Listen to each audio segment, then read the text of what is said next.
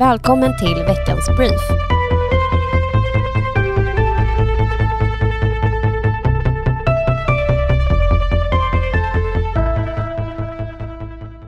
Under veckan har Region Stockholm antagit en ny budget för 2022. Den blågröna majoritetens budget kommer att fokusera på fortsatt förstärkning av vårdcentralerna som navet i vården, kapade vårdköer och att fortsätta framtidsbygget av länets kollektivtrafik. I budgeten står kärnverksamheterna i fokus och skattesatsen behålls oförändrad. Så här säger finansregionrådet Irene Svenonius om budgeten men också om de extra förstärkningar som man gör i förlossningsvården. Stort tack Irene Svenonius för att du är med i veckans brief. Det har varit en händelserik vecka här i Region Stockholm. Ni har bland annat klubbat er budget för 2022. Vad innebär det för stockholmarna? Ja, vi har ju klubbat en budget som kommer att skapa stora förbättringar för stockholmarna. Vi har eh, tillfört nästan 3 miljarder kronor till hälso och sjukvården. Vi fortsätter de stora utbyggnaderna av kollektivtrafiken med nya tunnelbanelinjer. Om vi börjar med hälso och sjukvården så slår vi rekord. 70 miljarder totalt har vi i budget för hälso och sjukvården nästa år. Och det är alltså en ökning med nästan 3 miljarder jämfört med tidigare. 500 miljoner går till att kapa de väntetider i vården som har uppstått på grund av pandemin. I Stockholm så ska man få vård när man behöver det, inte stå och vänta. Vi gör också stora förbättringar utav kvinnosjukvården. Och den största reformen är självfallet inom förlossningsvården med en barnmorska per födande kvinna, 550 miljoner kronor under tre år. Men vi gör också andra förbättringar för kvinnor. Vi gör satsningar som handlar om att förstärka vården för dem som har, utsatts för sexuellt våld. Det handlar både om att förbättra det psykiska omhändertagandet och det fysiska omhändertagandet där inte minst eh, spårsäkring för att kunna sätta fast förövarna är oerhört viktigt.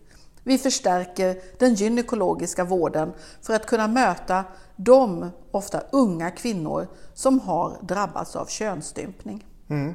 Du var ju lite inne på det med förlossningsvården, har ju varit på agendan under den här veckan också. Vilka extra satsningar gör ni där och hur kommer ni jobba med den frågan framöver? Ja, förlossningsvården eh, har vi ju nu gått ut som första region i Sverige och mött barnmorskornas krav som de har haft i flera år att vi ska genomföra reformen en barnmorska per födande.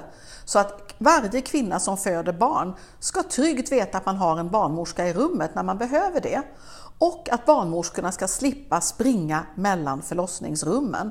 För det här tillför vi krona för krona vad det kostar. Det är en långsiktigt åtagande och eh, 550 miljoner ligger nu budgeterat 2022 till 2024 för att genomföra de här reformerna. Mm. Vad skulle du vilja säga till den, eh, föda, eller den kvinna som ska föda sitt barn här i Stockholmsregionen eh, alldeles snart här, som är osäker och inte känner sig trygg? Förlossningsvården i Stockholm håller en oerhört hög kvalitet. Kvinnor som föder barn kan vara trygga i förlossningsvården. Kompetensen är enorm bland de som arbetar på förlossningsklinikerna. Vi ser att bristningar har minskat med 35 procent under bara några år. 95 procent av alla som ska föda barn får föda på den klinik de har valt i första hand i Region Stockholm. Det är oerhört gott betyg och vi ser att det är 9 av 10 av de födande kvinnorna ger gott betyg till förlossningsvården i regionen. Men det här har ju skett till priset av att barnmorskornas arbetsmiljö har blivit sämre och det är den som vi nu ska åtgärda. Stort tack Irene Svenonius, finansregionråd här i Stockholmsregionen för att du var med i veckans brief. Tack! Under veckan antar Stockholms stad en ny budget. Den grönblå majoriteten har lagt fram en budget som fokuserar på ökad trygghet och bättre skola i Stockholm. Bland annat kommer man utreda en extra timmes undervisningstid för alla grundskoleelever, mer ordningsvakter och mer samarbete med polisen, laddinfrastruktur för elbilar och 430 miljoner extra i äldreomsorgen. Finansborgarrådet Anna König Hjelmyr vill trycka på vikten med skolan eftersom hon menar att det förmodligen är den enskilt viktigaste brottsförebyggande åtgärden. Barn som klarar skolan löper lägre risk för att få problem och dras in i kriminalitet. Anna König Hjelmyr berättar också om att de tog över en stad där skolresultaten i de mest utsatta områden föll drastiskt. Den utvecklingen har vänt då andelen gymnasiebehöriga i Järvaområdet ökat från strax över 60% till närmare 80% på tre år. Det arbetet vill hon se att Stockholms stad bygger vidare på. Så här säger Anna-Karin Hjelmyr om budgeten. I veckan har jag varit väldigt stolt över att fått möjlighet att presentera den grönblåa budgeten för 2022. Och det är ju som alltid tydligt fokus på att öka tryggheten i Stockholm med över 460 miljoner i olika satsningar. Allt ifrån en renare stad till bättre belysning till 170 ordningsvakter till trygga stadsmiljöer och samarbete med polisen. Och sen stärker vi också äldreomsorgen med historiska satsningar på 430 miljoner för att stärka kvaliteten i hemtjänsten och på våra äldreboenden. Och vi säkerställer också en timme mer undervisning i skolan med fokus på matematik och svenska. Det vill vi utreda, det vill vi införa i Stockholms skolor. Vi ser att resultaten, inte minst på Järva, har vänt. Det blir bättre och bättre. Det är 80 procent nu som tar sig vidare till gymnasiet och vår resa slutar inte här utan vi har mycket mer att ge men den här budgeten ger riktigt bra förutsättningar för framtiden. Skjutningarna har eskalerat. En ny granskning från DN visar nu att förskolebarn får öva på vad de ska göra om en gängskjutning äger rum. Samma granskning visar att fyra av tio skjutningar sker nära en förskola eller skola. Nu planeras en gigantisk vindkraftsverkspark att byggas i Stockholms skärgård. Den kommer vara Sveriges största och innehålla 253 stycken vindkraftverk med en höjd upp till 330 meter. Moderaterna i Stockholms län motsätter sig förslaget och menar på att man kan producera mer energi och kärnkraft utan att förstöra Stockholms unika skärgårdsmiljö.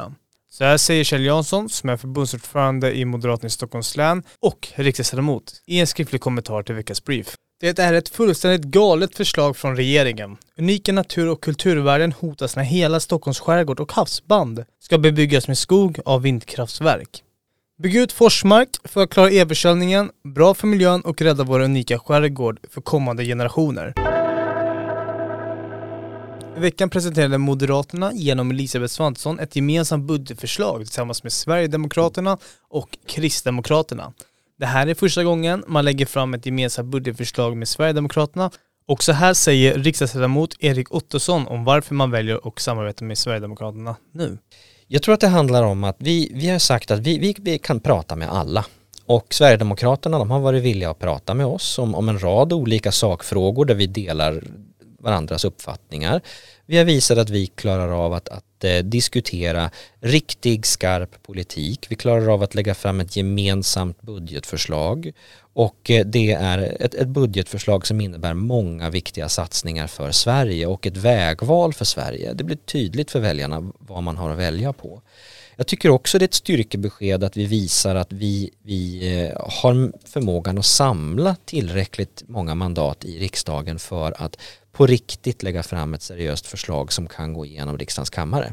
Och så här säger riksdagsledamot Josefin Malmqvist om budgeten och budgetprocessen. Det här är en riktigt bra budget med väldigt mycket moderat politik som vi nu har möjlighet att få igenom. Och jag upplever på, på de här reaktionerna som har varit det senaste dygnet att det är ganska odramatiskt. Alltså jag upplever att det politiska klimatet just nu, man konstaterar att himlen föll inte ner. Vi mm. får igenom vår politik. Jag tycker också att det är värt att i det här lyfta fram att vi har ju dessutom fått igenom en satsning på att stärka enskildas fri och rättigheter. Vi har ett satsning på domstolarnas oberoende, 10 miljoner kronor. Alltså det här är viktig politik ehm, och en hel del av den svartmålning som bedrivs från andra, vårt motståndarläger tycker jag vi visar i den här budgeten att det stämmer inte. Eh, och jag hoppas ju att eh, även de centerpartister som många av de liberalt sinnade ser att den här, det här är en bra budget för Sverige. Här stärker vi arbetslinjen, vi satsar på att återupprätta tryggheten och jag hoppas att de faktiskt eh, tar sitt förnuft till fånga och inser att det här är den budget de borde släppa fram även om de inte själva är beredda att rösta för den. Veckans Brief är tillbaka varje fredag klockan 07.00 för att ge dig veckans toppnyheter.